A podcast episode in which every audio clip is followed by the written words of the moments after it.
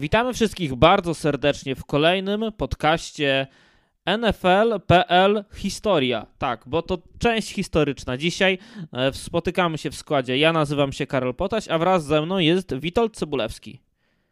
Cześć, witam serdecznie wszystkich i Ciebie, Karol. E, dzisiaj rozmawiamy o Houston. Też na Wasze życzenie. Mówiliście, że chcielibyście poznać e, historię futbolu w tym mieście, ogólnie porozmawiać o tym mieście, poznać też jego różne oblicza. O, o tym będziemy mówić dzisiaj w podcaście, ale tak na wstępie, e, tak jak też co odcinek, co każdą naszą produkcję, chcielibyśmy podziękować e, wszystkim naszym 19 patronom, którzy wspierają nas na serwisie Patronite. Jeżeli chcielibyście dołączyć do tych patronów, wspomóc nas też w tym, by te podcasty, by te wszystkie nasze produkcje, by nasza strona, by nasz YouTube, Instagram e, i te podcastowe aplikacje gdzieś wchodziły na coraz wyższe wyższy level, coraz lepsza jakość dźwięku, coraz lepsze sprzęty też wykorzystywane do różnych produkcji, tak jak przy, w przypadku na przykład streamów, które teraz e, rozpoczęliśmy między innymi z polskiej Football Ligi, to, to, to zawsze nas gdzieś to wspomoże, gdzie ten sprzęt, te kamery też będziemy mogli wymienić i,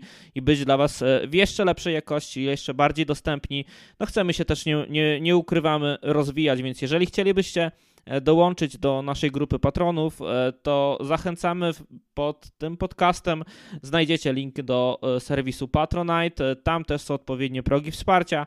Jeżeli chcielibyście dołączyć, to, to bardzo, bardzo serdecznie zachęcamy. Każda złotówka to gdzieś ogromne wsparcie też nas i to buduje gdzieś y, wspólnie razem z Wami ten produkt, który dzisiaj możecie oglądać, możecie śledzić, możecie słuchać, tak jak właśnie, jak właśnie ten podcast, więc e, bardzo, bardzo serdecznie e, zachęcamy i dziękujemy tym, którzy już nas wspierają i sprawiają, że tych produkcji pojawia się wiele, między innymi właśnie ten podcast, który teraz słuchacie, NFL.pl Radio, hashtag historia, to nowy projekt, który właśnie też uruchomiliśmy po to, by e, trafiać też trochę, może też pośrednio do tych samych jakby odbiorców, ale też trochę szerzej, bo to taki ponadczasowy podcast, który gdzieś będzie można sobie przy każdej okazji odpalić i, i posłuchać, co w danym mieście w dużej części z, z futbolem amerykańskim się dzieje, ale też,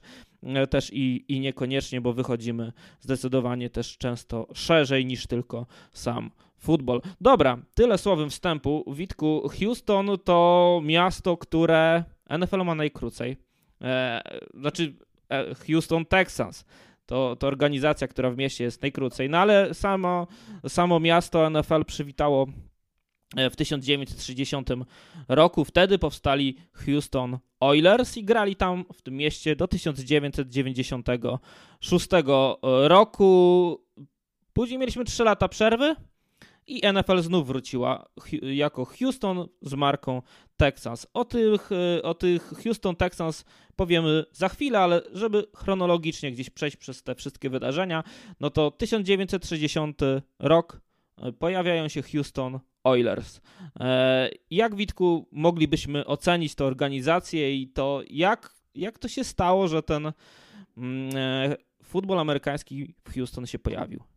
No kiedyś rozmawialiśmy już, e, Karol, pamiętasz o mm, kwestii związanej jako przy okazji, prawda, e, o Lamarze Hancie, e, przy okazji o kwestiach związanych z, z stworzeniem EFL. Oczywiście to było na marginesie innych podcastów. Myślę, o, że o innych tematów, o American Football League jeszcze zrobimy kiedyś podcast oddzielny, no ale to był ten moment, w którym Lamar Hunt chciał stworzyć nową drużynę w NFL. Nie namówił komisarza e, Berta Bella z racji tego, że Robert Bell też był osobą, no, która, tak jak dzisiejszy komisarz e, Roger Goodell, e, no, jest niejako człowiekiem właścicieli klubów, tak? bo często my zdajemy się odbierać komisarzy ligi, nawet dzisiaj, Rogera Goodella czy poprzednich, komisarzy Pita Rozela, Pola Taliabol jako no, jakieś osobne byty, tak? że mówimy, że komisarz NFL jakby był kimś wszechwładnym. Nie, no to jest człowiek, który jest wybierany przez właścicieli ligi, więc on oczywiście jest do, tylko do pewnego stopnia może być suwerenny, jeśli chodzi o, o, swoje decyzje, musi się liczyć z tymi e, właścicielami. No, nie udało się Lamarowi Huntowi e,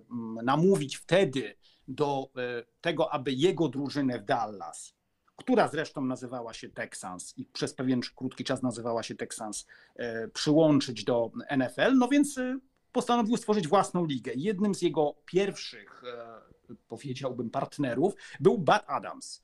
To był podobnie jak Lamar Hunt, człowiek z bardzo bogatej rodziny mm, naftowej, tylko że zupełnie inny, bardziej stereotypowy. Jeśli dzisiaj, prawda, pamiętają niektórzy i, i oglądają takie, powiedziałbym, no, e, te starsze filmy, e, czy też e, taki stereotyp nafciarza, tak?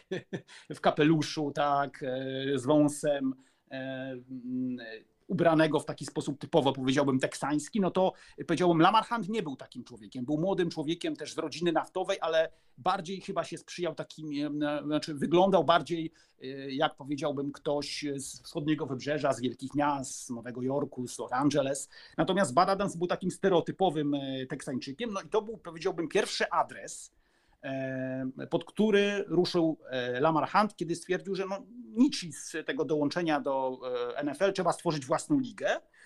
No i on się umówił, mimo tego, że nie znał Bada Adamsa, z nim na jakiś, powiedziałbym, to było bodaj jakaś kolacja, no i powiedział, że się chce z nim spotkać. No i poleciał z Dallas do do e, mm, Houston i e, tam się spotkał właśnie z Badem Adamsem i porozmawiał z nim podobno, tak przynajmniej twierdzą historycy, e, między innymi Michael McCambridge w swojej książce, o różnych innych tematach, a na samym początku, no jak zwykle, bo taki był Lamar miał taki dziwny sposób negocjowania, wspomniał, czy nie chciałby stworzyć z nim ligi. No, Bad Adams od dawna się z czymś takim z takim pomysłem jakoś się, się bił. E, e, I e, w ten sposób Bad Adam stał się takim pierwszym partnerem poważnym Lamara Hunta i w taki sposób zresztą mm, oficjalnie na konferencji w Houston w biurze Bada Adamsa ogłoszono powstanie ligi. Tak czyli jest. powstanie ligi American Football League, i e, pamiętajmy, e, że e, byli to Houston Oilers, czyli drużyna Bada Adamsa i Dallas Texans Lamara Hunta. Żeby było śmieszniej, a może i powiedziałbym bardziej przewrotnie, to pierwszy swój mecz w historii, mówię nie o meczu tym, który był meczem sezonu zasadniczego, jeśli tutaj mówimy o American Football League, tylko mecz pre-season, a to są mecze o wiele mniej udokumentowane, o, o, wiele powiedziałbym bardziej wymykające się jakimś tym wszystkim, powiedziałbym, informacjom, które posiadamy. Pierwszy mecz, który zagrali e, e, Houston Oilers, to był właśnie mecz z Dallas Texans. On był co ciekawe w Talsie w Oklahomie.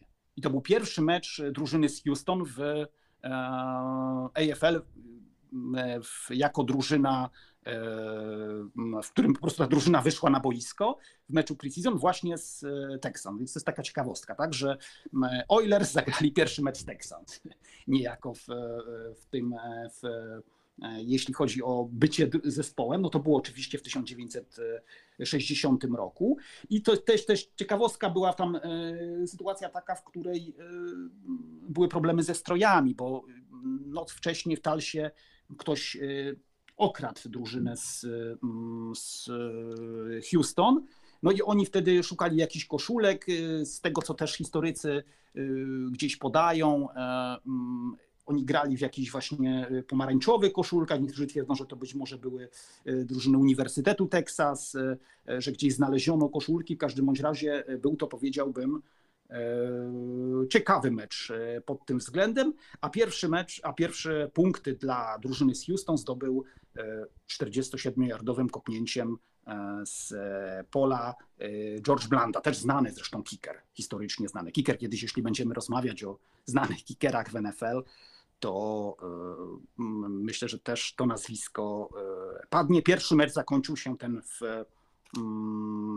preseason, przypominam, w Talsie, w Oklahomie, zwycięstwem Dallas Texans 27 do 10. Czyli taki był początek, jeśli chodzi o, mm, o same te początki, tak, te pierwsze momenty, jeśli chodzi o w ogóle pojawienie się drużyny z miasta Houston. Cały czas mówimy o Houston Oilers. Tak, tak, to było Houston Oilers. Oni rywalizowali wtedy w dywizji wschodniej AFL wraz z Buffalo Bills, Buffalo Bills, Bills, przepraszam, Buffalo Bills, New York Jets, Boston Patriots e, i też e, tak jak dołączyli jakby do ligi, znaczy grali, ten futbol się pojawił w 1960 roku, roku tak jak, mm, jak wspomniałeś, to w pierwszych dwóch latach e, zdobyli tytuł mistrzowski w 1960 i 61. Sama liga e, AFL trwała do 1969 roku i do tego czasu już później tych mistrzostw e, nie było, e, ale warto powiedzieć, że zespół no mówię, zdobył te dwa mistrzostwa przed połączeniem NFL e, do NFL w ramach fuzji AFL e, z NFL pod koniec lat 60., e, to warto wspomnieć o tym, gdzie grali Houston Oilers, bo ich stadion, znaczy to może opowiedz na razie historię, ale to był, to był stadion, który dla wielu był czymś, co jest wyprzedzeniem przyszłości, czymś z przyszłości E, mówimy to o Astrodom, ale, ale o tym za chwilę. Tak, pierwsze oczywiście, e, jakby pierwsze lata to są te mistrzostwa, o których wspomniałeś, czyli e, mistrzostwo w 1960 roku, mistrzostwo w 1961 roku. W jednym sezonie to drużyna Lou Rimkasa, w drugim sezonie Walego Lema i w obu sezonach, co ciekawe, pokonali Chargers w finale mm, AFL. Chargers też bardzo znanego, może dzisiaj takiego zapomnianego szkoleniowca, Sida Gilmana, też takiego innowatora, jeśli chodzi o, o, o futbol.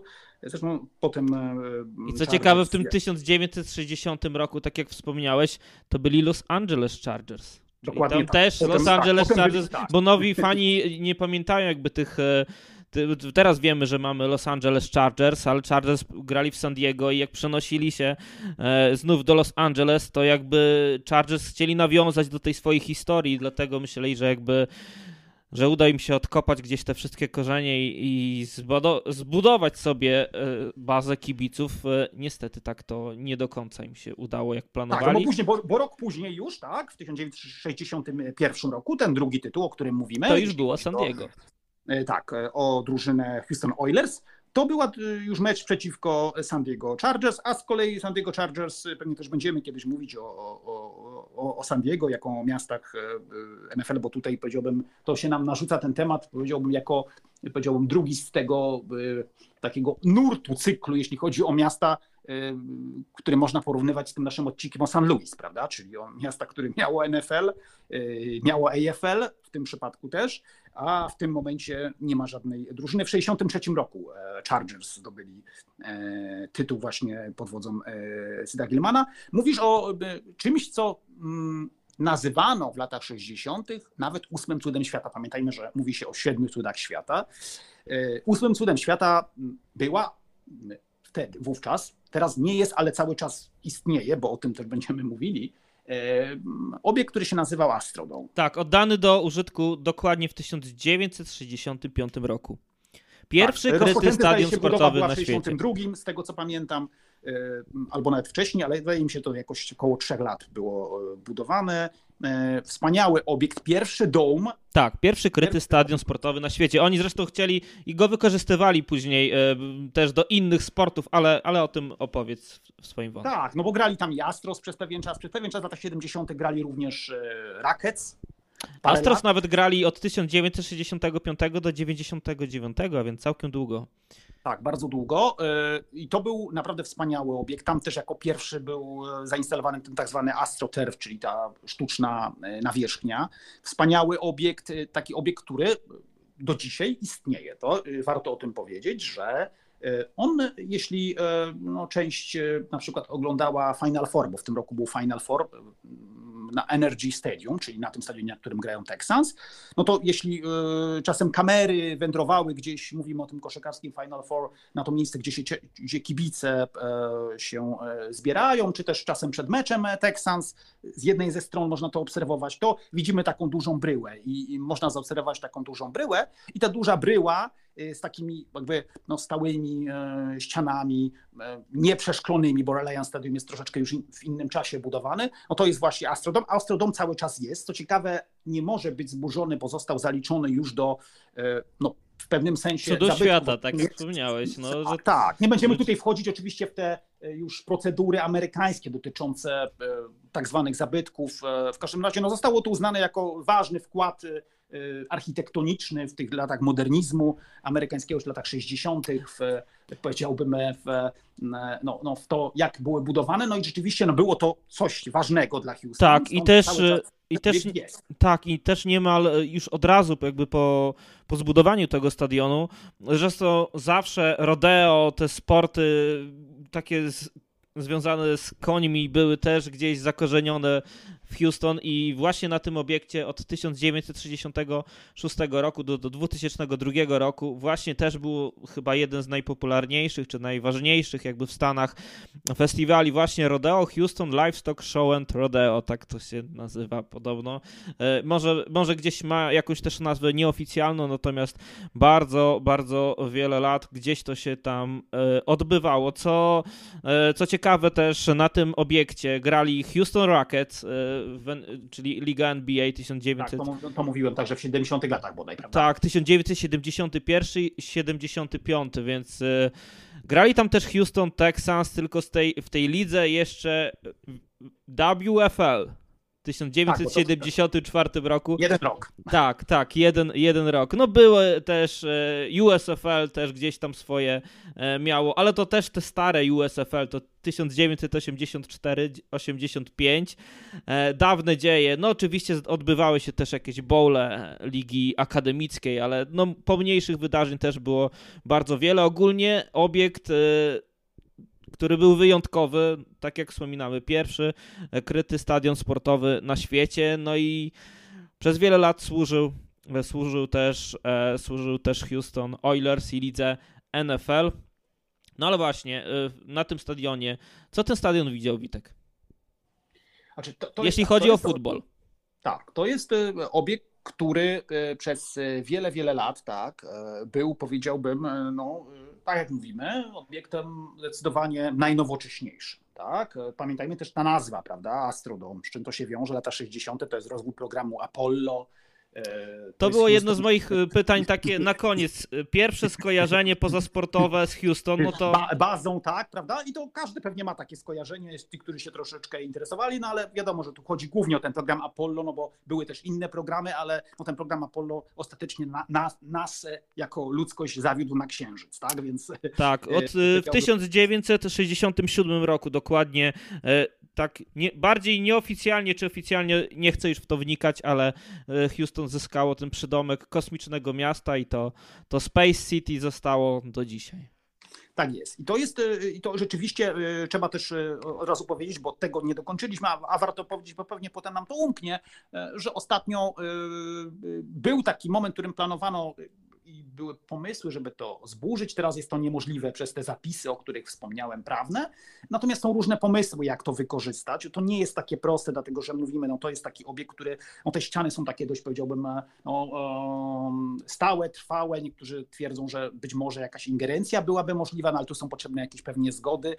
Były takie pomysły, żeby właśnie te ściany jakby zewnętrzne, może nie całościowo zburzyć, ale jakoś dokonać w nich jakichś prześwitów, żeby zrobić z tego powiedziałbym, miejsce na przykład, e, które miałoby cały czas ten dach, tak, czyli miałoby dach, ale byłoby bardziej miejscem otwartym, gdzie by mogły powstać jakieś kawiarnie, bary, yy, gdzieś miejsca, gdzie by się ludzie mogli gromadzić, czyli jakieś takie przedłużenie tego miejsca dla tailgatingu yy, przedmeczowego. Texans również był taki pomysł, jeden z ostatnich niezrealizowanych, żeby yy, że korzystać tą, jako że to jest bardzo wysoki obiekt, żeby część, jakby połowę z tej powierzchni wykorzystać jako parking, y, a mm, niejako powiedziałbym podłogę podnieść. Czyli żeby okay. ta rzecz ta, ta część, która jest, powiedziałbym, pod podłogą podniesioną, tak? czy pod nawierzchnią podniesioną służyła jako parking podziemny, a reszta była w jakiś sposób komercyjny, wykorzystywana. Ale wiadomo, że no szczególnie ostatnio COVID i tak dalej, prawda, tam to hrabstwo też ma inne mm, zadania na swojej głowie, więc no nie jest to jakaś rzecz, powiedziałbym, no, która e, jest rzeczą pierwszego, tak, do pierwszego wydawania pieniędzy, a no niewątpliwie te pieniądze są potrzebne, żeby coś takiego, powiedziałbym, się z Astrodą wydarzyło. Na pewno fajnie, że tego obiektu nie wyburzono. Ja się akurat cieszę, tu boleję nad niektórymi innymi obiektami. E, pewnie kiedyś będziemy rozmawiać o, i o Silver Dome i będziemy rozmawiać o RFK, który w tym roku ma być burzony. Mówimy o obiekcie w e, Waszyngtonie, więc e, no, no, ja mam takie, powiedziałbym, gdzieś zawsze jakiś żal, jeśli sentyment. się oglądało i sentyment, tak, do tych, mecze, tych, że, tych obiektów tak. i tych wspomnień, które gdzieś z tymi obiektami się łączą. No Ale tak. to jest oczywiście, tak, tak wygląda świat i, i nie ma co znowu opowiadać, prawda? No po prostu tak jest. Prawda? Dokładnie tak.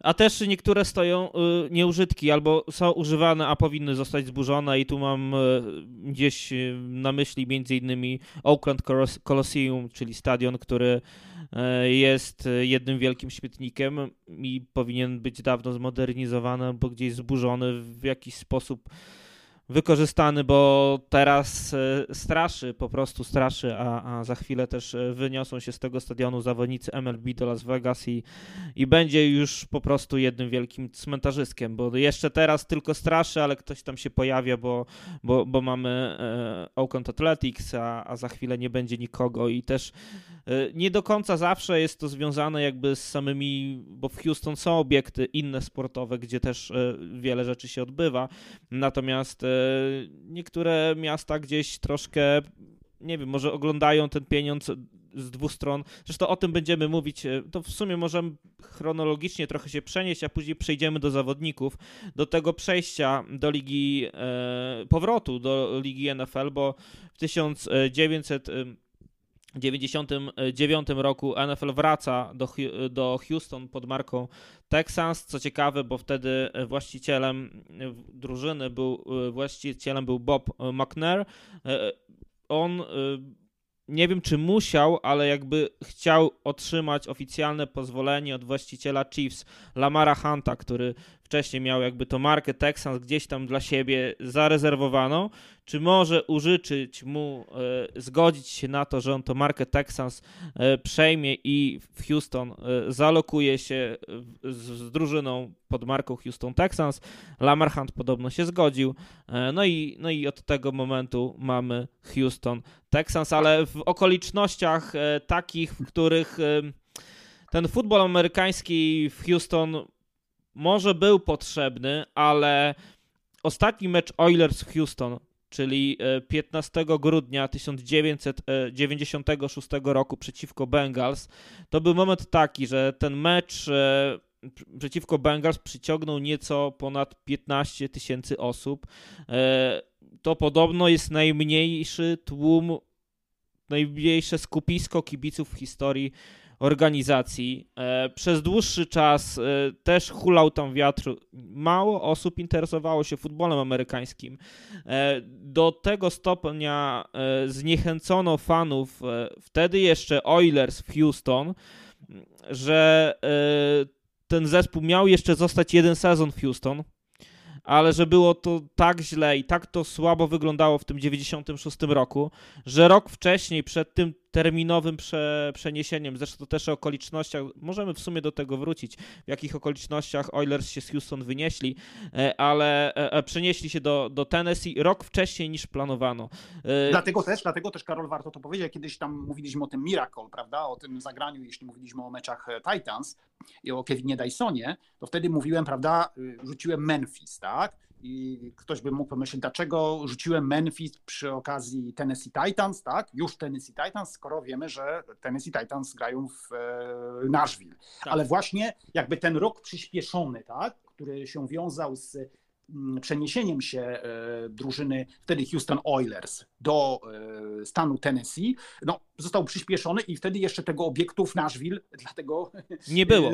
Stadionu nie było, dlatego przez rok grali w Memphis. Stąd powiedziałbym ta jakieś, powiedziałbym tutaj moja skłonność do no, być może przepisywania właśnie jakichś wydarzeń, które E, odbywały się również ze e, udziałem drużyny e, już przeniesionej właśnie nie w Nashville, a w Memphis. Żeby powiedzieć, że jeden rok drużyna przeniesiona grała, w ten pierwszy rok grała właśnie w tym mieście no, znanym też dzisiaj głównie pewnie z drużyny zawodowej w koszykówce. Tak, no i też okoliczności były takie, że właściciel Houston Oilers gdzieś tam negocjował podobno z burmistrzem, nie wiem czy tak to się mówi, w Houston, e, e, no z władzami Houston o nowym gdzieś tam chyba obiekcie, tak gdzieś tu nieoficjalnie jest to przedstawiane, natomiast gdzieś zupełnie za plecami e, próbował wynieść tę drużynę do, do Nashville i tam właśnie się dogadał na ten nowy stadion, więc podobno nie było to takie, zresztą zwykle te przenosiny drużyn nie są w fajnych okolicznościach, chyba nigdy nie było tak, że któreś z miast, które utraciło Ligę NFL, pogodziło się z tym. I tutaj też mieliśmy taki przypadek. Tak jest. No, no, no, warto też powiedzieć, bo y, y, mówiliśmy o i mówimy o tym, o tych y, przeniesieniach i, i przenosinach, czy też o zostawieniu przez mm, druż, drużynę Oilers Houston. E, to były takie dramatyczne dość okoliczności. Znaczy, oczywiście one są wszędzie jakoś powtarzalne, ale, ale też na, następowało pewne znudzenie e, e, i także powiedziałbym zniecierpliwienie kibiców. No trzeba też sobie jasno powiedzieć, że to też nie były znowu jakieś lata, w których no, nie było wielu ciekawych zawodników, tak? Jeśli chodzi o. Nie, no zdecydowanie. E, bo to nie była e, znowu drużyna, która no, była jakimś, można powiedzieć, pośmiewiskiem ligi, tak? E, tak byśmy pewnie daleko nie, nie zaszli. No to były przede wszystkim, prawda, też lata, w których no, taką bardzo znaną postacią w Houston był Warren Moon. I to jest postać, tak. któremu no, musimy poświęcić trochę czasu, tak. bo to jest. Zawodnik, który urodził chyba się w Los Angeles, którego Liga NFL nie chciała dać mu szansę, go nie kochała, więc przeniósł się do Kanady. Tam był, no jest legendą CF, CFL, e, zdobywał tam chyba w pierwszych kilku sezonach e, nie dość, że, e, że, że tytuł najlepszego chyba zawodnika, to też tytuł mistrzowski, no i Pięć no i, z rzędów. Tak, właśnie, dokładnie tak. Edmonton Eskimos. Tak, tak, tak. Zresztą ta drużyna, która przeszła do historii, bo już, znaczy, Eskimo, znaczy Eskimos przeszło do historii, bo teraz e, no jakby zmieniono to nazwę, Edmonton pozostało na mapie e, CFL, no ale tak, no właśnie tam się zalokował, tam zbudował swoją pozycję.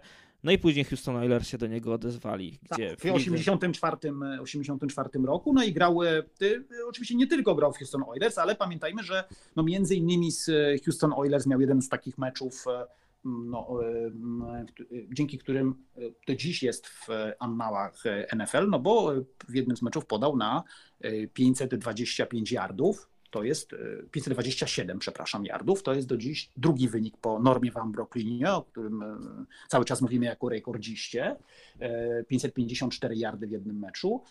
Tak, podczas... 520, 527 mhm. właśnie mam Warren Moon i również co ciekawe, i pewnie jeszcze o tym będziemy rozmawiać, egzekwo z Warrenem Moonem jest inny zawodnik drużyny z Houston, ale już Houston Texans, czyli Matt Shop.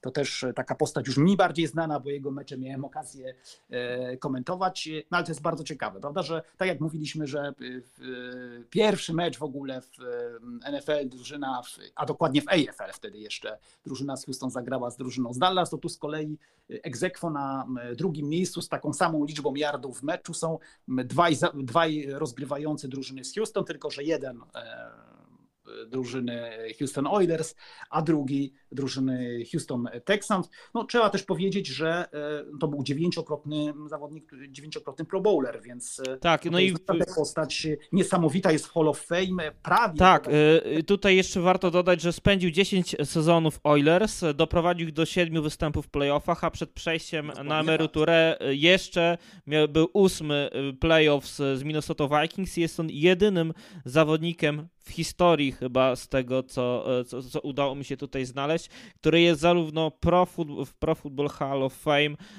NFL, jak i Canada, Canadian Football Hall Canadian of Fame. Football, tak.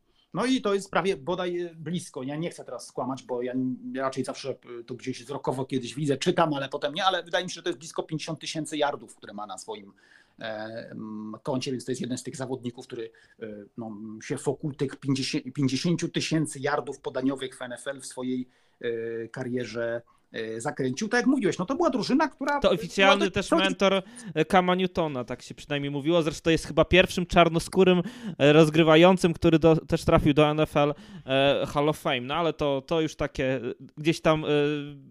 Dużo jest zresztą historii z nim związanych, no ale tak jak wspominasz, tak, tak, legenda. To, to jest postać, tak, to jest postać, która też trochę zrewolucjonizowała tą grę, bo to był taki, to, to było bardzo silne ramię, on miał bardzo dużą średnią yardów zdobytych jakby na podanie. Czyli to mhm. nie były krótkie podania, to nie było West Coast Offense, coś co wtedy w pewnym sensie królowało, prawda, w latach 80. za sprawą e, San Francisco 49ers, tylko to było zupełnie inny styl. On zresztą potem grał w, w, też e, w Seattle Seahawks, potem był e, bodaj i telewizyjnym, i radiowym komentatorem meczów Seahawks i nawet się mówiło, że jako powiedziałbym takie mówiąc tak w taki sposób oczywiście przenośni, także swój pierwszy tytuł mistrzowski e, Warren Moon zdobył jako właśnie radiowy e, komentator drużyny Seahawks, bo tam też jakby tam powiedziałbym gdzieś tam przyznawano jakieś takie oczywiście honorowe, prawda, e, nagrody związane z tym, że cały sezon komentował. No i on właśnie w tym sezonie 2013, kiedy Seahawks zdobyli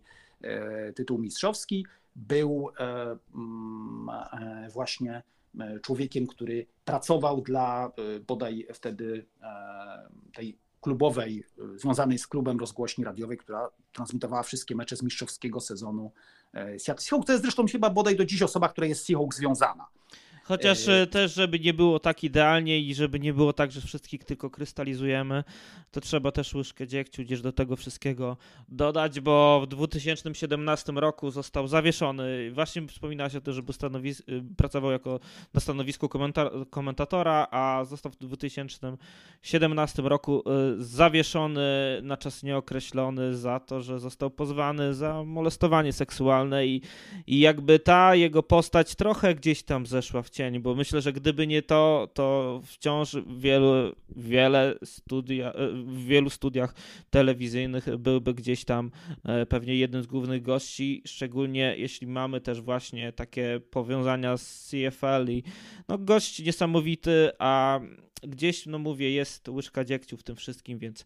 tak to, to, Jest, to jest, powiedziałbym, rzecz, którą będziemy spotykać w naszych rozmowach, bo, bo wiele takich postaci, które e, no, na jakimś, e, powiedziałbym, e, będziemy uważali, czy też opowiadali o świetnych zawodnikach, żeby to też jakby mieli Państwo na uwadze, że my się będziemy tutaj jednak głównie skupiać na tych sprawach futbolowych, nie żebyśmy pomijali. Tak, Zresztą tak, tak, tak, tak. nie powiedział te inne aspekty, ale no, to jest jednak naszym celem, bo żeby powiedziałbym tak e, z pierwsze z brzegu nazwisko, e, o którym też pewnie kiedyś będziemy mówić, będziemy na przykład o J.U. Simpsonie głównie mówić jako zawodniku, tak? Bo, Zdecydowanie. Bo inne, że te inne po prostu rzeczy są e, bardziej paradoksalnie znane i, i prawdopodobnie jeśli chodzi o Warrena Moona i tych, te osoby, które dzisiaj się interesują, prawda, National Football League, to też e, w większym stopniu z racji internetu i tego, co teraz istnieje, czyli powiedziałbym już zupełnie innej cywilizacji newsowej, no pewnie większość miała że tak powiem, masło maślane, większą okazję, tak żeby gdzieś takiego, prawda, newsa, taką informację znaleźć, że akurat, prawda, ktoś, kto był kiedyś rozgrywającym, jest oskarżony, a mniej e, znają jego z kolei z tych dokonań mm, futbolowych, no one, bo one były bardzo dawno. Tak? Dokładnie e, tak. Dobra, wracając do... Tak, wracając do już do, rozumiem, do, do futbolu. Do Texans. I do Texans już samych. Tak, i gwiazd tak. Texans, ale może najpierw jak to się stało, że ci Houston Texans się pojawili? No 32 drużyna w lidze, w lidze NFL. Tak jest. Y, no, y, mówiłeś o odejściu, ale pamiętajmy, później jest kwestia tego, że chodziło o to, żeby była 32 y, drużyna, bo była 31, no więc było jasne w pewnym momencie, że i będzie i 32. I e, wydawało się, że raczej to będzie drużyna w Los Angeles. NFL nawet podjęła taką decyzję, że to będzie drużyna w Los Angeles. Houston było niejako na liście rezerwowej. Tyle, że no, z racji konfliktu różnych grup, które, żeby nie wgłębiać się już w całą tą e, e, kwestię, no bo przecież nie mówimy akurat Chociaż o Chociaż mówiło się też, że, że w Kanadzie może być drużyna wtedy. To był taki też moment, że, że gdzieś tam, gdzieś był ten temat grzany, że może ta 30 drużyna, to, 32 drużyna to będzie drużyna kanadyjska. No ale to tak tak, ale w takim e, ostatecznym, e, powiedziałbym, e, momencie liczyło się głównie Los Angeles. Była taka decyzja NFL, już powiedziałbym podjęta, że to będzie mm, Los Angeles, tyle że był tam pewien deadline, tak? czasowy, nie będziemy teraz o tym opowiadać.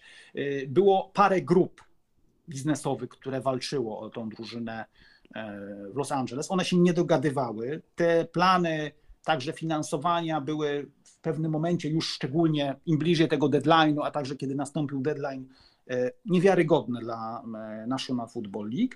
No i wtedy przypomniano sobie oczywiście i wyciągnięto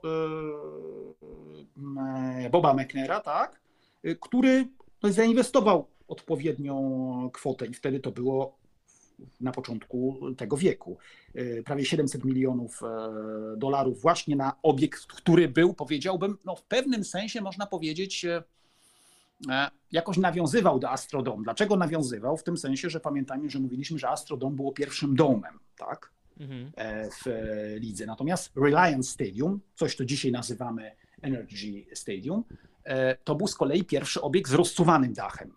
Czyli znów byli w czymś liderem, tak? Houston znów było liderem, znów było um, liderem, jeśli chodzi o nowoczesność obiektu. No i w 2002 mm, roku drużyna e, Houston Texans do mm, NFL e, przystąpiła. No i te początki były, powiedziałbym, no tak łagodnie mówiąc, średnie, tak? Bo te, te początki no, nie, nie, nie, nie napawały jakoś specjalnie optymizmem, jeśli chodzi o, o mecze. Bodaj no, no, trzeba było czekać, e, jeśli mnie Karol, e, jeśli możesz sprawdzić, ale wydaje mi się, że to prawie dekadę trzeba było czekać, tak?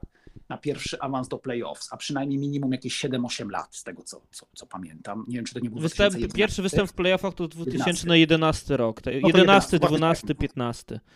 11 właśnie o, o, tym mówiłem, więc to prawie dekadę trzeba było czekać na to, żeby drużyna zagrała w e, postseason. Taki w sumie bardzo solidny okres zaczął się i tu już pewnie przechodzimy do e, e, już powiedziałbym postaci i nazwisk, które znają nam współcześni i, i być może nasi słuchacze, Billa O'Briana, czyli człowieka, który wywodzi się z tego coaching tree, czyli tego drzewa szkoleniowego Billa Belichicka. To jeszcze tylko zdaniem może wspomnę, że te playoffy, o których mówiliśmy, czyli 2011-12 rok, to, yy, to era Garego Kubiaka.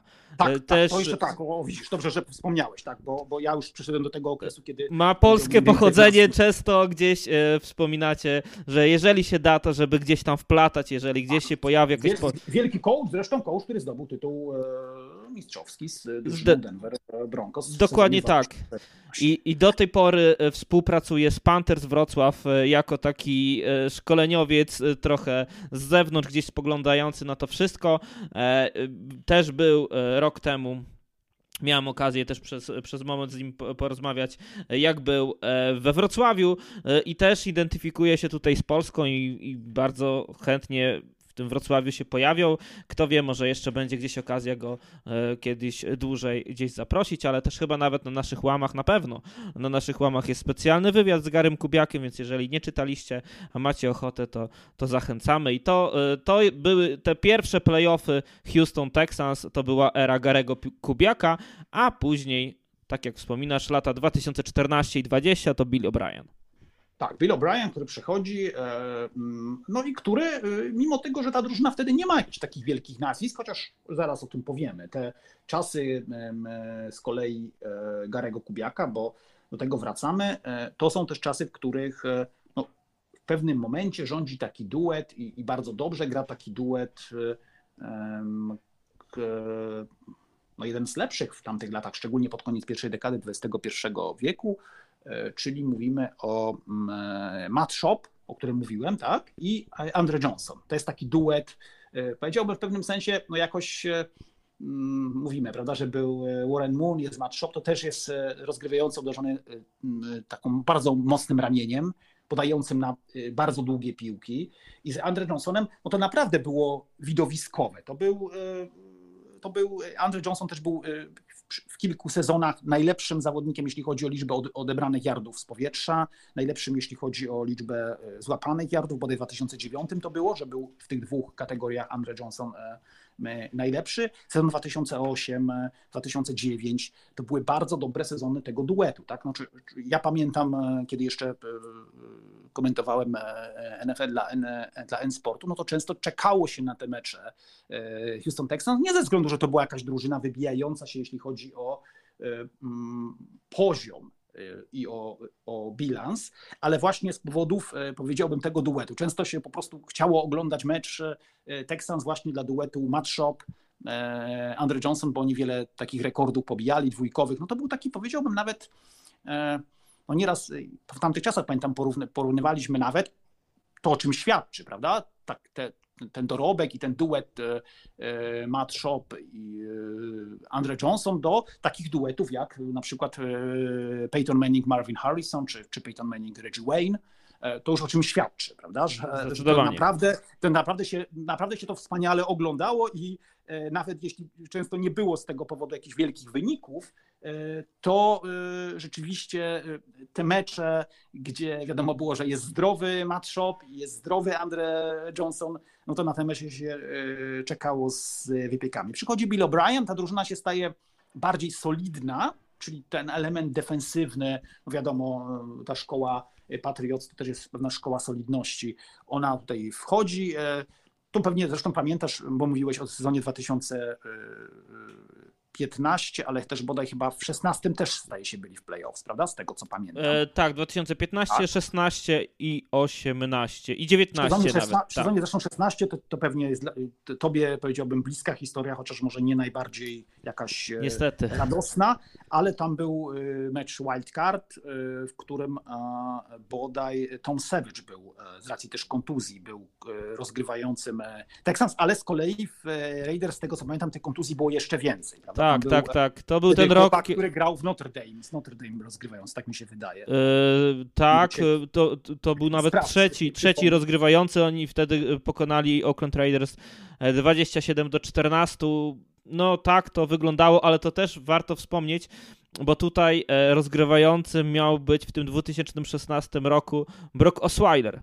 To wtedy taka tak, gigantyczna tak. umowa, bo to czteroletnia umowa, 72 miliony dolarów.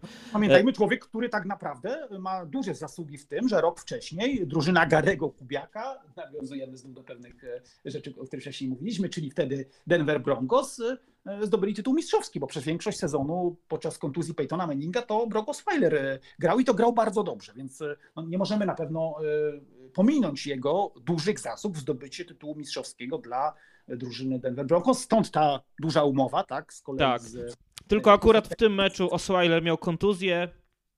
Mm, Przepraszam, w tym meczu Savage miał kontuzję, tak, bo właśnie wróciłem sobie do tego meczu Oakland Raiders e, z, z Houston Texans. Savage miał kontuzję, dlatego Brook Osweiler wrócił jako rozgrywający i Osweiler wystartował też w meczu Divisional Playoffs przeciwko New England Patriots. E, rzucił trzy przechwyty w, drugiej połowie. Tak, tak. I... Znaczy, w tym sensie mówiłem, że tak, że Tom Savage e, jakby wprowadził tą drużynę, tak, do, do playoffs, tak, tam i potem była ta, jakby te ostatnie mecze bodaj, prawda, które zdecydowały, to grał Tom Savage e, i później nastąpiła ta jego kontuzja i Brogosweiler wrócił i ten pierwszy mecz, czyli ten mecz e, przeciwko e, Oakland Raiders miał przyzwoity. Tam też z tego co pamiętam nie był jakiś, to był, nie był jakiś wielki mecz. No tak, ale e, win jest win, a to tym bardziej playoffy, więc e, też jakby nie ma tak, co go za mocno Natomiast drugi już był, powiedziałbym, no, bardzo słaby, chociaż też byśmy z tego nie wyciągał wniosków, dlatego że no, no po prostu. E, chociaż Houston Texans wyciągnęli, bo w kolejnym roku w drafcie 2017 e, awansowali tak. na, na, na 12 pik w pierwszej rundzie i wybrali gwiazdę Clemson, Deshona Watsona i to też jest gwiazda ligi NFL, no ale czy właśnie gwiazda Houston Texans? Teoretycznie tak, ale e, ale jednak go wytransferowano, chociaż jego gdzieś e, te wszystkie um, że tak powiem, jeszcze historia gdzieś oceni te wszystkie ruchy z tym związane, no bo jednak wciąż korzystają Houston Texans z pików od um, Cleveland Browns, no i jakby tak. ostateczna ocena przyjdzie pewnie po spaleniu tych wszystkich pików i zobaczymy, jak zobaczymy, gdzie ostatecznie Houston Texans będą, no, ale jak... Nie możemy, tak, mhm. nie możemy też nie wspomnieć tych lat, prawda, czyli J.J. Watta, bo to jest postać, która no, stała się też taką ikoną e, Houston Texans, e, wybrany bodaj z numerem 11. 11. Tak, i to był e, draft 2011, to też warto wspomnieć, bo, bo to jest koniec Houston, yy, znaczy, bo to jest koniec J.J. Watta przed tym sezonem i to też jest jedna z legend zdecydowanie Ligi NFL i też taki Yy, jak yy, pamiętam swoje gdzieś początki, przygotowywałem nawet jakiś tekst o Houston i o Texas. W dawnych dziejach jeszcze na stronie NFL24, to pamiętam, że wszyscy wspominali, że gdyby nie J.J. Watt, to zainteresowania Texans by nie było takiego zainteresowania tekstu. Tak, no i tamte lata także oczywiście Arian Foster, bo to jest postać tak. też a druga, która zresztą była e, pozyskana jako undrafted free agent. To była jedna z, a propos mówienia o draftach, no to była jedna z taka postać, która no, była jednym z no, większych takich, powiedziałbym, pewnie zaćmieniem e, decydentów, z różnych zresztą względów, bo tam były kwestie urazu i kwestie charakterologiczne, które spowodowały, że on ostatecznie w ogóle wypadł tak, e, z draftu. No i Arian Foster e, no, zrobił wielką karierę w NFL, był zawodnikiem naprawdę bardzo utalentowanym, zresztą też bardzo ciekawą postacią, on do teraz nagrywa płyty zresztą, e, więc jakoś się realizuje muzycznie. E, ciekawa postać, ale taki naprawdę bardzo fajny gracz i też jego się bardzo przyjemnie oglądało w tamtych latach, więc to był taki też taka druga postać, która gdzieś się nam jakoś spoiła z e, Houston Texans, wracają do Deshona Watsona, tak? Mówimy o tych latach... No jeszcze 15... Matt Schaub nam przeleciał tak szybko. Tak, tak, no Matt Schaub też mówiliśmy a propos Andre Johnsona, prawda? Tak, o, tak, o tak, tak. To były te lata, prawda? Czyli ta końcówka pierwszej e, dekady e, i początek drugiej dekady XXI wieku. No i mamy moment, w którym o którym mówiliśmy, tak, te sezony 2015, 16, Texans są w playoffs, tak, nawet wygrywają mecze, tak mówiliśmy, wygrywają na przykład z Oakland Raiders e, w 2016, czyli awansują, nie mają, e, prawda, niby tych zawodników dobrych, no mówimy, prawda, Tom Savage, Brock Osweiler, no wydaje się, że powiedziałbym, to jest następny krok, tak, jak mówiłeś, tak, Deshaun Watson przychodzi w końcu do tej solidności Billa O'Briana, dochodzi jeszcze rozgrywający wielki talent, tak? No i to, że będzie ten skok, prawda? Nowa jakość, tak? Że to będzie ten skok już jakościowy, więc to już nie będzie tylko drużyna na, na wildcard, yy, która wygrywa, ale że to już będzie zespół, który yy, no, aspir którego aspiracje to są no, minimum finał e, konferencji, a dzieje się trochę inaczej. Pamiętajmy, że w tym czasie, kiedy są te wyniki średnie, powiedziałbym, ale całkiem dobre, jeśli je, powiedziałbym, odniesiemy do potencjału, ten potencjał nie jest znowu taki wielki za czasów tych pierwszych Billa O'Briana, no to jest okres duetu, współpracy duetu Ricka Smitha, e, generalnego menadżera z Billem O'Brienem. I kiedy przychodzi e, Deshaun Watson, te wszystkie, powiedziałbym, siły w organizacji, E, e, e, też wszystkie, powiedziałbym, elementy decyzyjne trafiają do Billa O'Briana, czyli on się staje nie tylko head coachem, ale również generalnym menedżerem. Tak, i mówi się, że to jedna z największych błędnych decyzji w ostatnich latach w lidze NFL, jeśli chodzi o, o generalnych menedżerów i, i trenerów, bo trenerem był bardzo dobrym, a jak doszły nowe obowiązki, to trochę chyba nawet, bo Chip Kelly też był chyba generalnym menadżerem, nie? Więc e, gdzieś to zostało e, rozbite i, Wiesz, to, i Houston Texans chyba się zbierają do dzisiaj po tamtym. Tak, po to jest kwestia chyba, e, Karol, w ogóle takiego podejścia. Ja zawsze wolałem, że to jest rozdzielone, to stanowisko, inne są. Oczywiście były te przykłady w historii zupełnie inne, pozytywne, ale ja jednak jest, jestem zwolennikiem rozdziału tych dwóch stanowisk. Wydaje mi się też, że szczególnie, jeśli powiem o, o tej jakby kulturze, z której się wywodzi e, Bill O'Brien, czyli e, New England Patriots, e, no, kultura to jest jedna rzecz, czy to jest to jest to zawsze pytanie, bo ja zawsze uważam, że to będzie zawsze bardziej powiedziałbym ta kultura New England Patriots się trochę moim zdaniem zaczyna i kończy na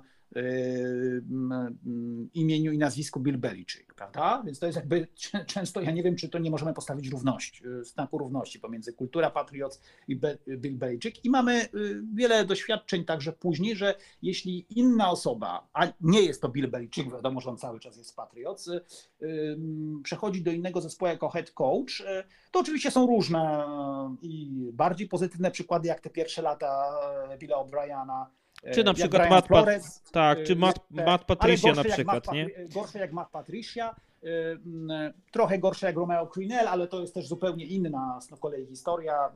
Tutaj bym też e, jakby taki ostry w ocenie nie był, ale jeśli to się Chociaż przez chwilę sam Cranel też był e, e, e, tymczasowym fakt, ale był tak. trenerem głównym Houston Texans.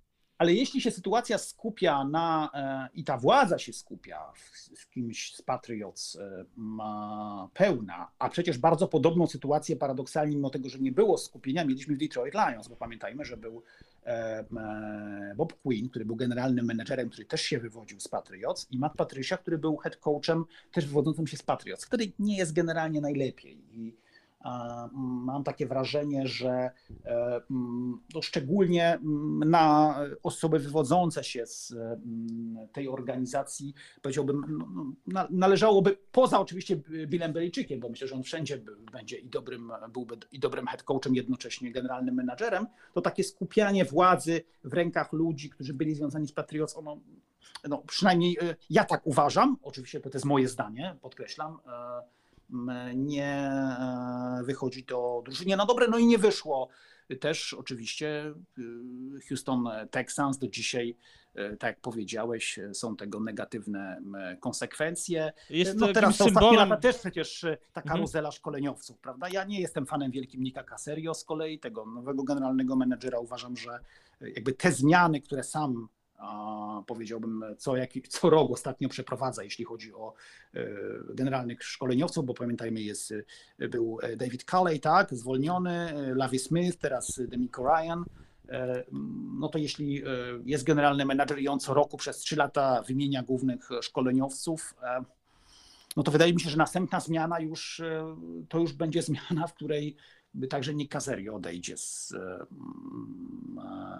Houston Texans, no bo sobie inaczej tego nie wyobrażam, tak? Jeśli, Dokładnie tak, tutaj też bo problem... Jednak, bo, bo, jednak on firmuje te, bo jednak on firmuje te decyzje. No tu oczywiście mamy kwestię znaczy problem, problem z, też był tak pomiędzy generalnym menadżerem Dokładnie. a właścicielem i tak dalej, i tak dalej. Dokładnie i to całe zamieszanie spowodowało też to, że jak widzieliśmy e, gdzieś rozmowy szkoleniowców z różnymi gdzieś tam organizacjami, to zbyt bardzo trenerzy, nowi trenerzy nie pchali się do Houston Texans, bo wiedzieli, że to może być problem i mogą sobie gdzieś tam e, to nazwisko, nazwisko splamić. Jakby też fajnym, znaczy no nie fajnym dla samych Houston Texans, ale jakby e, obrazem tego, w jakich e, okolicznościach Texans byli na starcie 2021 roku było to, że 12 lutego nie, został zwolniony J.J. Watt, ale to nie został zwolniony dlatego, że ktoś tam w Houston o tym postanowił, tylko sam J.J. Watt osobiście poprosił właściciela Kala McNera,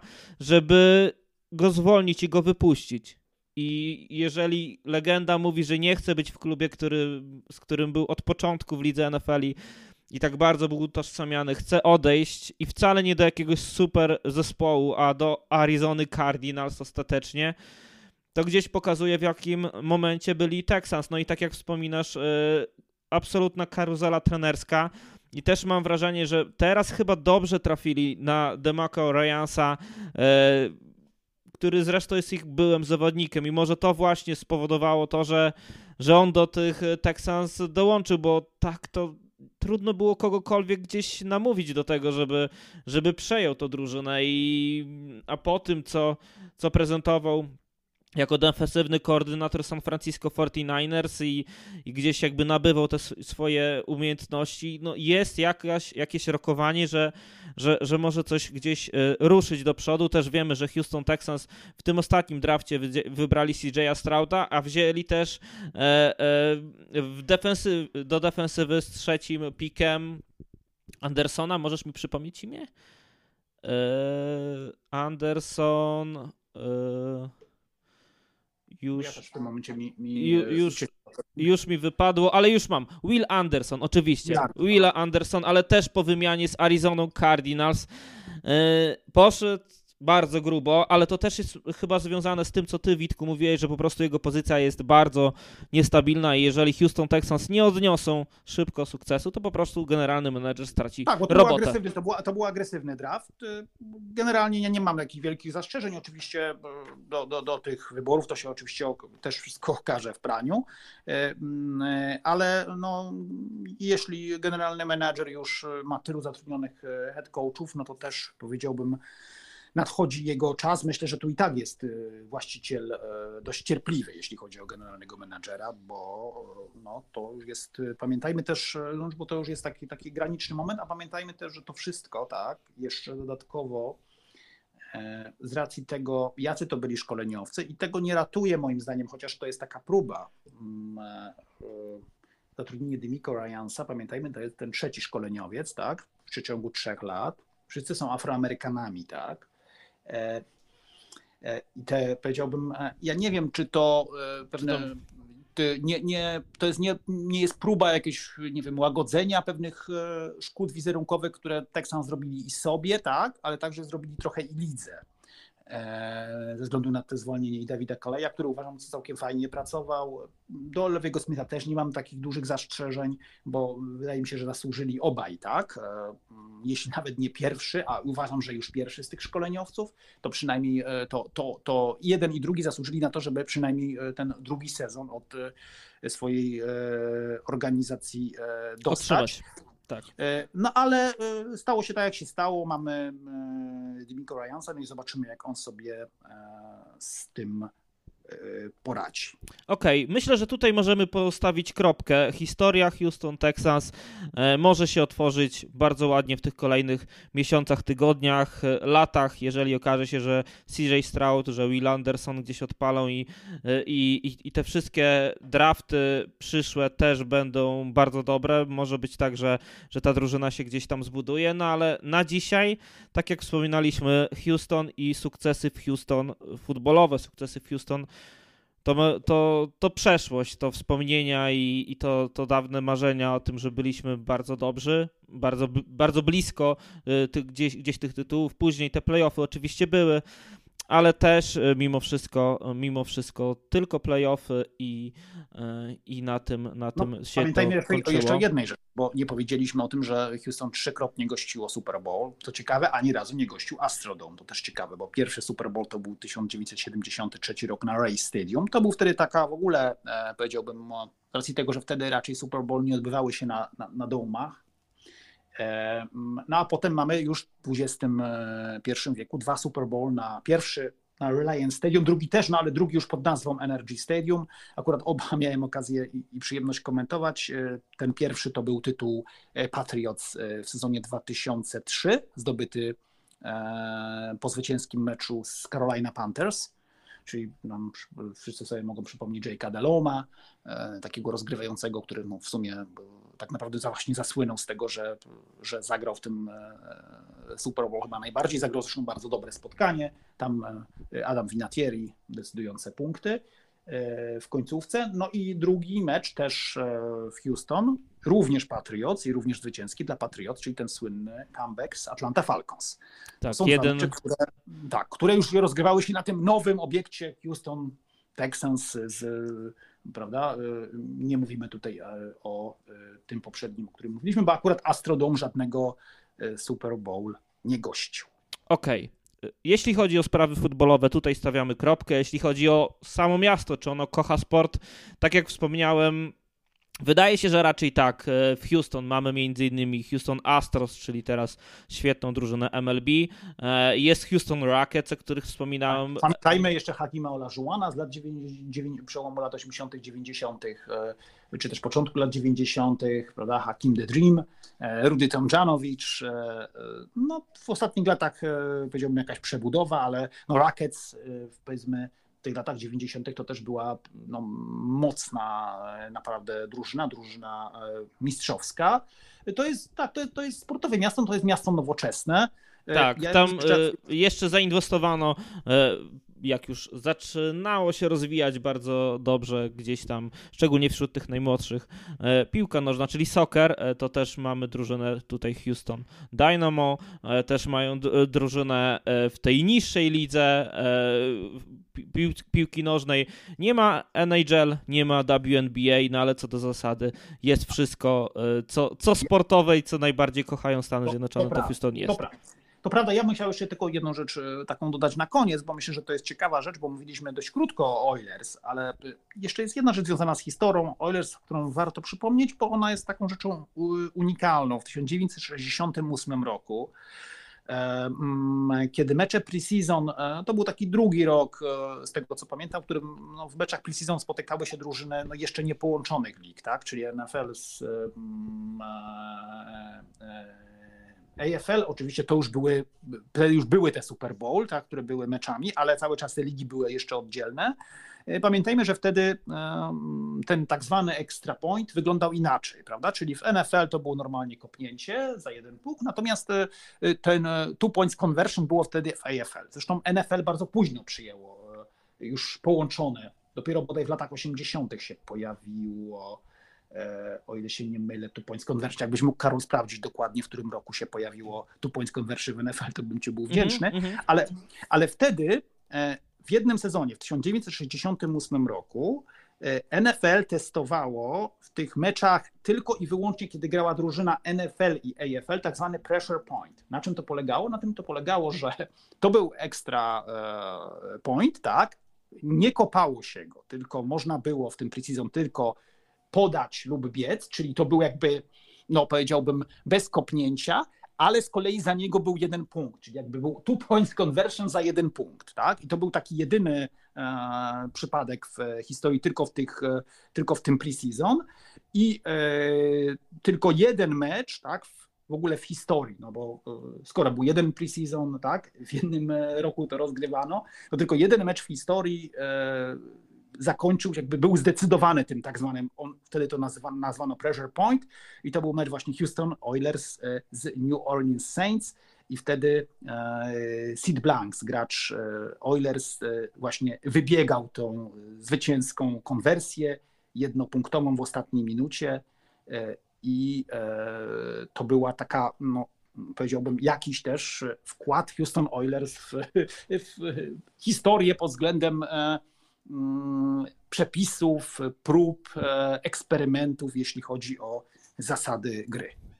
Tak, e, ja w międzyczasie jeszcze tutaj szukam e, jakby tej informacji, mhm. jakby co do zasady gdzieś jeszcze ją postaram się do końca podcastu szybko odnaleźć. Natomiast Witku, przechodząc już do jakby ostatniego naszego punktu programu, przydomek Kosmiczne Miasto wiemy. Mnóstwo tych jakby nawiązań związanych z tym, że mamy tam e, Space Center NASA, ale jakbyś mógł polecić jakąś literaturę związaną z miastem, bądź jakiś film, bądź jakieś inne media, które warto, z którymi warto się zapoznać, myśląc o Houston, to co by to było, co byś mógł polecić naszym fanom, naszym słuchaczom na koniec? Tak.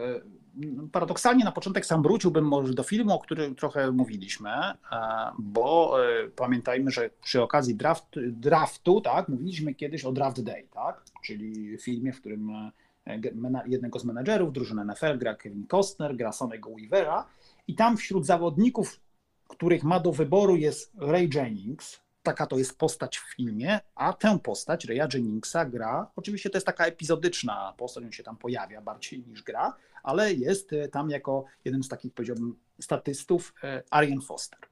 Czyli Arian Foster zagrał w e, Draft Day, to jest bardzo też ważne, o tym jakoś to nam uciekło przy okazji z kolei tych naszych rozmów o tym filmie, przy okazji draftu, to chciałem powiedzieć. Jeśli chodzi o, o filmy, ja myślę, że tutaj no nie będę jakiś specjalnie oryginalny, e, bo skoro mówimy o Houston, mówimy o latach 60., też bo mówiliśmy, że to jest początek Houston Oilers, e, czyli programu Apollo, no to się wydaje, że myślę, że jest taki klasyk, bo jest klasykiem jest Apollo 13, więc jeśli ktoś nie widział z jakichś względów, to, to polecam, bo to jest świetna rola, wielka rola Toma Hanksa.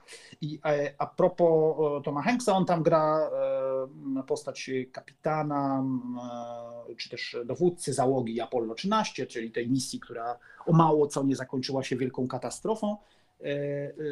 Gra tego dowódcę załogi, którym, którym jest James Lovell. I James Lovell, właśnie dowódca załogi Apollo 13, z Jeffreyem Klugerem, który przez wiele lat był szefem działu takiego popularno-naukowego, technicznego magazynu Time. E, napisali książkę Apollo 13 pod tym samym tytułem, pod którym jest e, film. E, ona została wydana w Polsce w 2021 roku przez wydawnictwo Astra. Przełożył tę książkę z angielskiego Mateusz Józefowicz. Tak wspominam, jeszcze raz dodam, powtórzę, James Lovell, Jeffrey Kluger, Apollo 13 i tam jest też historia tej misji, ale także, no, powiedziałbym, e, no, tego całego, e, mm, niejako taka skrócona historia całego programu Apollo, czyli czegoś, czym żył świat, tak, przypomnijmy, e, żyła Ameryka, ale żyło także Houston, bo Houston było centrum w pewnym sensie można powiedzieć, że w latach 60. Houston było centrum świata. Okej, okay, Witku, w międzyczasie udało mi się, e, udało mi się znaleźć 1994 e, rok. Od wtedy. No to e, widzisz, ty, no wtedy to ten to okazuje, że, okazuje się, że to jest jeszcze o dekadę później niż nawet mi się wydawało, a wydawało mi się, że to było stosunkowo późno, więc tutaj mamy okazję zaobserwować, no jak późno przepis o two points conversion stał się no, elementem NFL, no, który dzisiaj pewnie większość z nas uważa za coś naturalnego i normalnego. Przypomnijmy, że w latach 60. AFL jako liga, sama liga, tak, która jeszcze była przed połączeniem, ten przepis wówczas miała, no i to był ten jeden z elementów e, e, wkładu AFL, można powiedzieć, w no, to, co dzisiaj, e, powiedziałbym, nazywamy tym współczesnym zawodowym futbolem, ale zobaczmy, z jakim to też opóźnieniem zostało ostatecznie E, wprowadzone. Dokładnie. No zobaczymy też, jaka będzie historia tego e, wszystkiego, czy jeszcze Liga NFL gdzieś pójdzie e, w jakąś inną stronę bo wiemy, że Liga XFL, która miała właśnie finał swój w ostatni weekend, tam była możliwość nawet grę tam za punkt, za dwa, za trzy i, i gdzieś, gdzieś jeszcze dalej jakby rozszerzyła tą e, możliwość, by jedną serią zdobyć aż 9 oczek. E, czy to kiedykolwiek do ligi NFL trafi, nie wiem. Natomiast e, gdzieś takie eksperymenty są tworzone i kto wie, czy może gdzieś ta próba gdzieś jeszcze dodania tych dodatkowych emocji do ligi NFL nie przejdzie. Natomiast tak jak wspomniałeś, ten two-point conversion to rok 94 Dobra, stawiamy w tym miejscu kropkę. E, myślę, że wyczerpaliśmy temat na tyle, na ile się da, bo oczywiście tych wątków historycznych byłoby jeszcze zdecydowanie więcej, ale przebiliśmy godzinę, więc myślę, że to już jest odpowiedni czas, by powoli się e, z Państwem odwitywać e, i już zapraszając na kolejną część, w której najpewniej przejdziemy już nie będziemy zaglądać za wielką wodę. To będzie część, która będzie związana z futbolem nieco bliżej, nieco bliżej Polski, ale o tym będziemy też informować w naszych social mediach. Na dzisiaj mówimy Wam już do usłyszenia. Ja nazywam się Karol Potaś, a wraz ze mną był nasza encyklopedia futbolu amerykańskiego, Witold Cebulewski. Dzięki wielki, Karol. Do usłyszenia.